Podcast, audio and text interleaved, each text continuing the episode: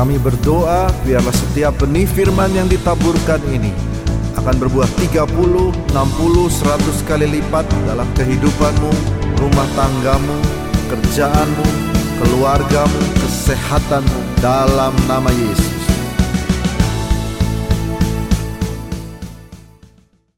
Shalom saudara, kita hari ini akan membahas tentang masih dalam tema family, judulnya House of Sacrifice. Rumah pengorbanan, rumah persembahan. House of Sacrifice, mari kita semua punya kelu dalam keluarga, dalam rumah, rumah tangga, mari kita punya semangat untuk sacrifice to one another. Katakan amin. Nah, penting buat kita belajar untuk mengasihi tapi juga penting ada sacrifice. Nah, hari ini kita akan bahas dari firman Tuhan tentang sacrifice. Ada tiga bagian dan dalam cepat kita akan coba bahas. Yang pertama adalah tabernakel Musa. Mari kita baca 1 2 3 tabernakel Musa. 1 2 3 tabernakel Musa. Nah, Musa ini waktu dia memimpin bangsa Israel keluar dari tanah Mesir, dia membuat sebuah kemah tempat Tuhan boleh bertahta. Dan itu namanya tabernakel Musa. Buatnya sederhana sekali. Kemah lalu di depannya ada korban bakaran, Lalu pada waktu dia membuat itu, mari kita baca keluaran 35 ayat 5 dan 6. 1, 2, 3. Ambillah bagi Tuhan persembahan khusus dari barang kepunyaanmu. Saya ulangin lagi, ambillah bagi Tuhan persembahan khusus dari barang kepunyaanmu. Dikatakan khusus. Setiap orang yang terdorong hatinya harus membawanya sebagai persembahan khusus kepada Tuhan. Emas, perak, tembaga, kain ungu tua, kain ungu muda, kain kirmisi, lenan halus dan terakhir apa? bulu kambing. Jadi ada emas, perak dia tambah turun. Lihat, emas, perak, tembaga, kain ungu sampai terakhir bulu kambing. Nah, Saudara lihat bahwa Tuhan itu pada waktu cara memberi atau menyenangkan Tuhan itu, Saudara lihat ada emas, perak, tembaga, ada urutannya. Nah, Demikian juga dengan gereja saat ini. Ada urutannya, ada yang kasih 10 juta, ada yang kasih 5 juta, ada yang kasih 1 juta. Masing-masing menurut kemampuannya. Katakan amin. Menurut kemam, kemampuannya. Ada yang bisa kasih emas, kasih emas. Ada yang bisa kasih perak, kasih perak. Demikian juga dengan keluarga kita. Saudara mau memberi sacrifice buat keluarga kita, buat anak kita, buat orang tua kita. Masing-masing menurut kemam, kemampuannya. Kalau sudah melewati kemampuannya nanti berantem. Betul ya? Jadi masing-masing menurut kemampuannya. Dan Tuhan disenangkan. Lalu kita lihat Keluaran 35 ayat 21. Kita lihat terus beberapa ayat di sini. Keluaran 35 ayat 21. Sesudah itu datanglah setiap orang yang tergerak hatinya, terdorong jiwanya, membawa persembahan khusus untuk kemah pertemuan itu di segala ibadah dan untuk pakaian kudus itu. Ini di tabernakel Musa. Nah saudara lihat bahasa Inggrisnya menarik sekali. Ada tulis, and they came, everyone whose heart stirred him up, and everyone whom his spirit made willing. Kata willing muncul satu kali. Jadi memberi kepada Tuhan itu dengan dorongan hati, sukarela. Katakan amin. Lalu kita lihat lagi. Sorry, sorry. Maka datanglah mereka, laki-laki dan perempuan. Saudara baca setiap orang terdorong hatinya, muncul lagi kata terdorong hatinya. Dengan membawa anting-anting hidung, anting-anting telinga, cincin meterai dan kerongsang. Saya nggak tahu itu apa. Segala macam barang emas. Demikian juga orang yang mempersembahkan persembahan unjukan dari emas bagi Tuhan. Ayat 22 muncul lagi kata, And they came both men and women as many as were willing hearted. Jadi memberi kepada Tuhan dengan hati willing, sukarela dari dalam hati. Demikian juga dalam keluarga, dalam kehidupan kita kita beri harus dengan willing, sukarela. Katakan amin. Berapa kali muncul? Dua kali. Lalu kita lihat ayat selanjutnya. Semua laki-laki dan perempuan yang terdorong hatinya, sekali lagi muncul lagi, akan membawa sesuatu untuk segala pekerjaan Tuhan yang diperintahkan Tuhan dengan perantaran Musa untuk dilakukan. Mereka membawanya sebagai pemberian sukarela.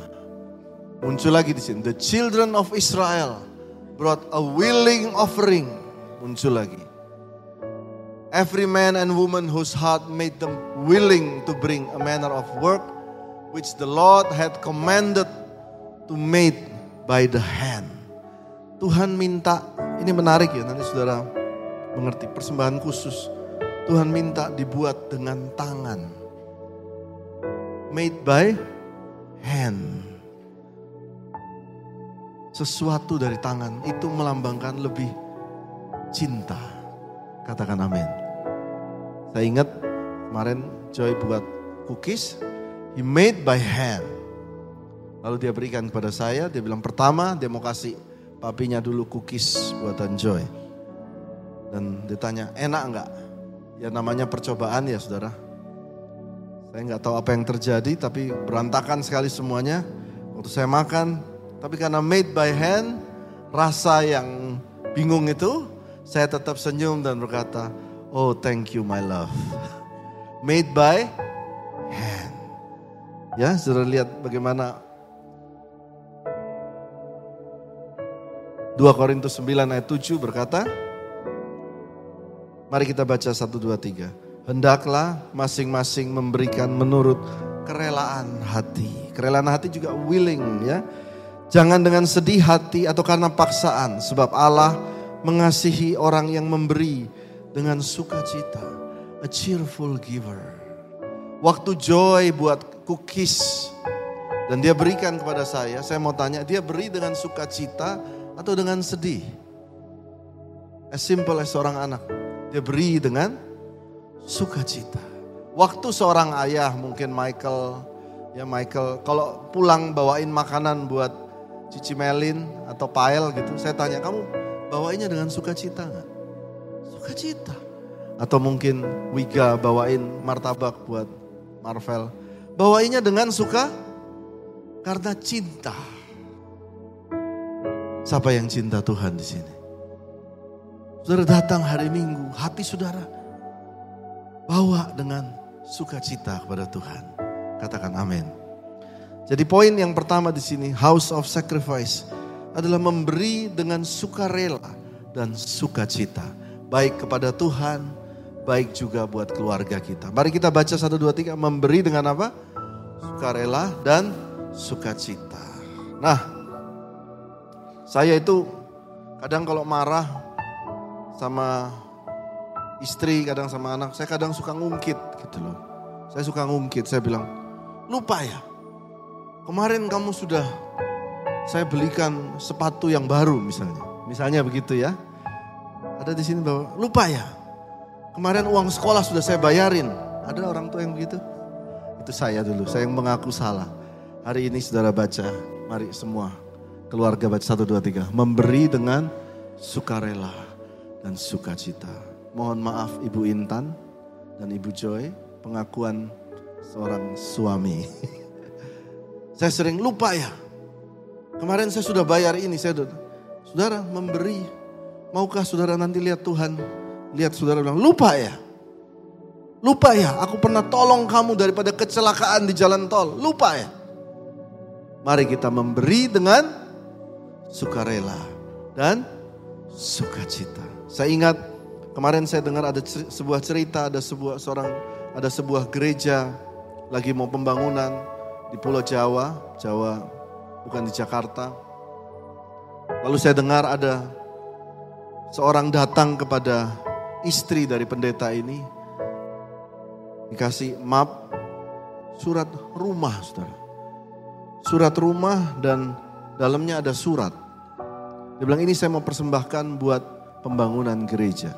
Maka sang pendeta berkata, terima kasih. Saya mau datang ketemu sama Bapak.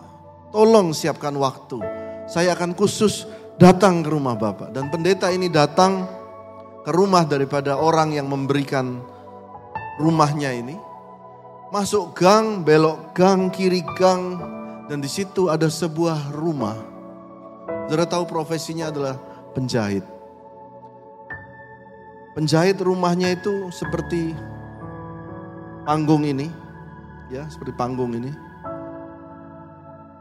Dibagi dua, dua kafling kecil dalam gang. Yang dia berikan kepada Tuhan setengahnya. Pendeta ini duduk, hamba Tuhan ini duduk dan menangis. Dia menangis, dia bilang, Tuhan, Tuhan, ini orang kok begini. Harusnya kita yang memberi buat dia. Apa yang disampaikan? Tuhan bilang, terima nak, terima. Dia memberi dengan tangannya dengan cin, cinta. Dia tulis dalam suratnya, izinkanlah saya menjadi bagian daripada pembangunan gereja. Siapalah saya ini Pak? Sehingga saya boleh menjadi bagian daripada pembangunan gereja. Saya bersyukur, saya tidak punya banyak simpanan, saya tidak punya banyak harta. Tapi saya bersyukur anak saya dua selesai kuliah dan sudah dapat kerja. Dan mereka melayani Tuhan. Buat saya itu sudah lebih daripada mimpi seorang penjahit. Oh itu adalah cinta kepada Tuhan. Katakan amin. Berikan tepuk tangan buat Tuhan Yesus. Memberi dengan sukarela dan sukacita. Baik mari kita lanjutkan. Bagian kedua, tadi tabernakel Musa, saudara ingat ya. Sekarang masuk beberapa ratus tahun kemudian masuk bait Allah Salomo. Mari kita baca 1, 2, 3. Bait Allah Salomo. 1, 2, 3. Bait Allah Salomo. Bentuknya seperti ini. Lebih mewah Tadi kan tenda ya. Itu Salomo. Pada waktu peresmian bait Allah Salomo, maka Salomo ini berdoa, satu doa yang terkenal sekali. Mari kita baca doa ini, satu, dua, tiga. Dan umatku yang atasnya namaku disebut dan merendahkan diri, berdoa dan mencari wajahku, lalu berbalik dari jalan-jalan yang jahat. Maka aku akan mendengar dari surga dan mengampuni dosa mereka serta memulihkan negeri mereka. Ada lagunya kan? Ini ada lagunya, ayat yang terkenal sekali. Tapi saudara baca ayat ini ayat berapa? Dua Tawarik 7 ayat berapa? 14. Saudara mundur dua ayat, baru saudara mengerti dari mana asal ayat ini. Saudara mau bahwa Tuhan mendengar dari surga, mengampuni dosa kita dan memulihkan negeri kita. Saudara mau? Mau kan kita semua? Tapi ada sebabnya. Dua ayat sebelumnya, saudara lihat.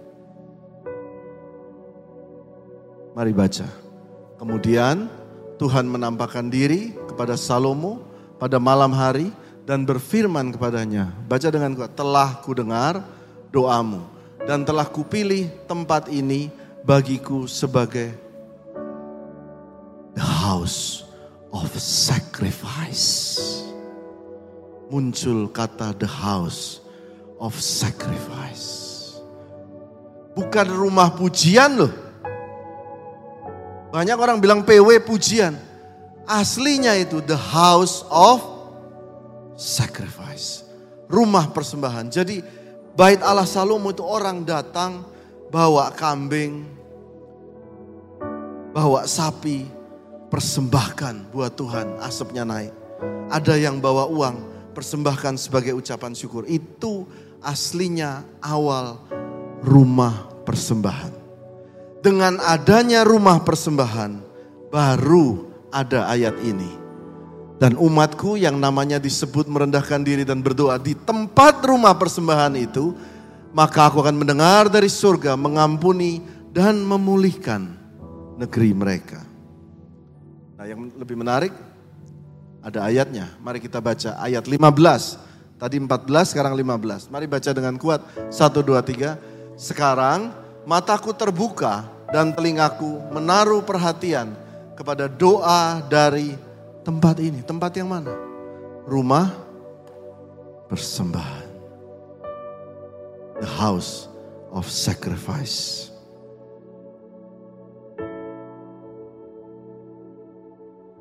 Poin yang kedua, rumah persembahan. Saudara lihat 2 Tawarik 7 ayat 7. Tempatnya Salomo. Saya baca ya. Sebab mesbah tembaga yang dibuat Salomo tidak dapat memuat korban bakaran dan korban sajian. Gak muat. Mengapa? Karena semua memberi untuk dipersembahkan kepada Tuhan. Itu namanya rumah persembahan. Sampai sini saudara nangkep? Kita udah belajar apa? Tabernakel Musa. Yang kedua tabernakel apa? Bait Allah Salomo. Bagian yang terakhir. Mari kita baca ayat ini. Mata Tuhan terbuka dan telinganya menaruh perhatian. Di mana tadi? Di rumah persembahan. Coba katakan bersama saya rumah persembahan rumah persembahan. House of sacrifice. Di mana mata Tuhan terbuka dan telinganya menaruh perhatian di rumah persembahan. Nah, kita lihat bagian ketiga. Zaman Yesus. Perhatikan ini baik-baik. Baca ayat ini. Saudara saya pun tadi malam baru mengerti. Mari kita baca satu, dua, tiga. Padahal tiap-tiap hari aku ada di tengah-tengah kamu di dalam bait Allah dan kamu tidak menangkap aku. Yesus pernah berkata, aku itu tiap hari nongkrong di mana? Di mana saudara? Saudara baca di atas, Tuhan Yesus nongkrong di mana setiap hari? Bait Allah. Bait Allah yang dibangun yang ketiga ini namanya bait Allah yang dibangun oleh Herodes. Katakan bersama saya Herodes. Yang pertama Musa yang bangun, yang kedua Salomo, yang ketiga itu Herodes. Ya, Yesus setiap hari ada di bait Allah. Oh jauh lebih mewah, lebih besar. Herodes bangunnya lebih besar. Karena seluruh dunia datang pada waktu itu ke bait Allah. Nah pertanyaan saya yang menarik adalah. Yesus itu nongkrong di mana di bait Allah? Saudara baca Alkitab baik-baik, baca semua literatur, saudara akan lihat satu pengertian. Ini rumah bait Allah, saudara lihat di sebelah kanan saudara. Yang atas itu, saudara lihat, yang atas itu, the holy of holies yang hitam tuh tebel. Itu adalah tempat holy of holies, tempat ruang maha kudus, tempat ukupan dinaikkan dan sebagainya pujian, penyembahan, firman ditaburkan. Persis seperti gereja saat ini. Gedung ini dibangun berdasarkan itu. Di sini tempatnya firman, ujian dinaikkan. Doa-doa diangkat. The Holy of Holies ada mimbar di sini. Yesus ternyata tidak nongkrong di sini. Yesus nongkrongnya di bawah itu. The court of the woman. Atau yang dikenal dengan ruang perbendaraan. Jadi ibaratnya ini ruangannya persis seperti ini. Yesus nongkrongnya bukan di sini. Yesus nongkrong di depan. Jadi nanti saudara kalau pulang, saudara lihat nanti ada persembahan, ada Yesus berdiri di situ supaya saudara ingat. Yesus kebanyakan nongkrong, saya tulis di sini. Pada waktu ada seorang wanita berbuat zina, ditangkap, dibawa di depan bait itu di mana? Di situ, di ruang perbendaraan, bukan di ruang Maha Kudus. Saya tulis Yesus mengajar, akulah terang dunia. Di mana? Di situ. Pada waktu Yesus berkata, "Hei, kamu jangan jadi orang munafik. Tapi jadilah pelaku firman. Di situ dikatakan orang lumpuh di bait Allah di kolam Bethesda. Naik ke atas ketemu Yesus di bait Allah pada waktu hari sabat. Di mana? Di situ. Di depan situ. Dan yang menarik. Ada satu peristiwa yang menarik. Tempat yang sama. Mari kita baca. Ketika Yesus mengangkat mukanya ia melihat orang-orang kaya memasukkan persembahan mereka ke dalam peti persembahan. Ia melihat juga seorang janda miskin memasukkan dua peser ke dalam peti itu. Lalu ia berkata, aku berkata kepadamu, sesungguhnya janda miskin ini memberi lebih banyak daripada semua orang itu. Aneh gak sih saudara? Is it strange kalau Yesus itu nongkrongnya dekat tempat persembahan? Berkali-kali loh, waktu wanita berbuat zina juga dihakimi di sini, dekat kotak persembahan. Waktu orang lumpuh juga di situ, Bahkan dia dikatakan, Lukas dan Markus mencatat dia lihat janda dua peser itu. Ngapain dia duduk di situ? Saudara tahu kenapa? Karena ayat ini. Baca dengan kuat. Satu, dua, tiga. Mata Tuhan terbuka dan telinganya menaruh perhatian. Di mana? Di rumah persembahan. Bukankah dia Tuhan yang konsisten? Amin. Dia Tuhan yang konsisten. Berikan tepuk tangan buat Tuhan. Tahukah saudara di mana Hana itu menangis? Hana tidak punya anak. Dia menangis berteriak-teriak di area yang sama. Area tempat persembahan. Gak masuk ke dalam. Karena mata Tuhan ada di situ. Why? Karena worship adalah sesuatu yang diberikan.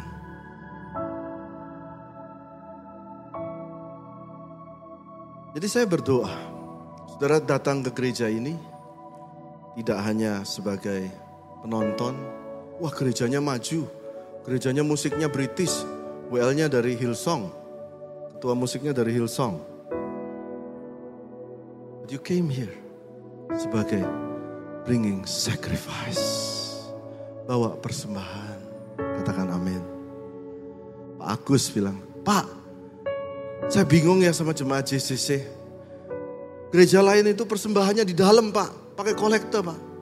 Saya bingung sama Pak Albert dan Bu Intan bagaimana mengurus keuangan gereja. Lo yang pulang itu 60% lewat lo pak, nggak kasih persembahan.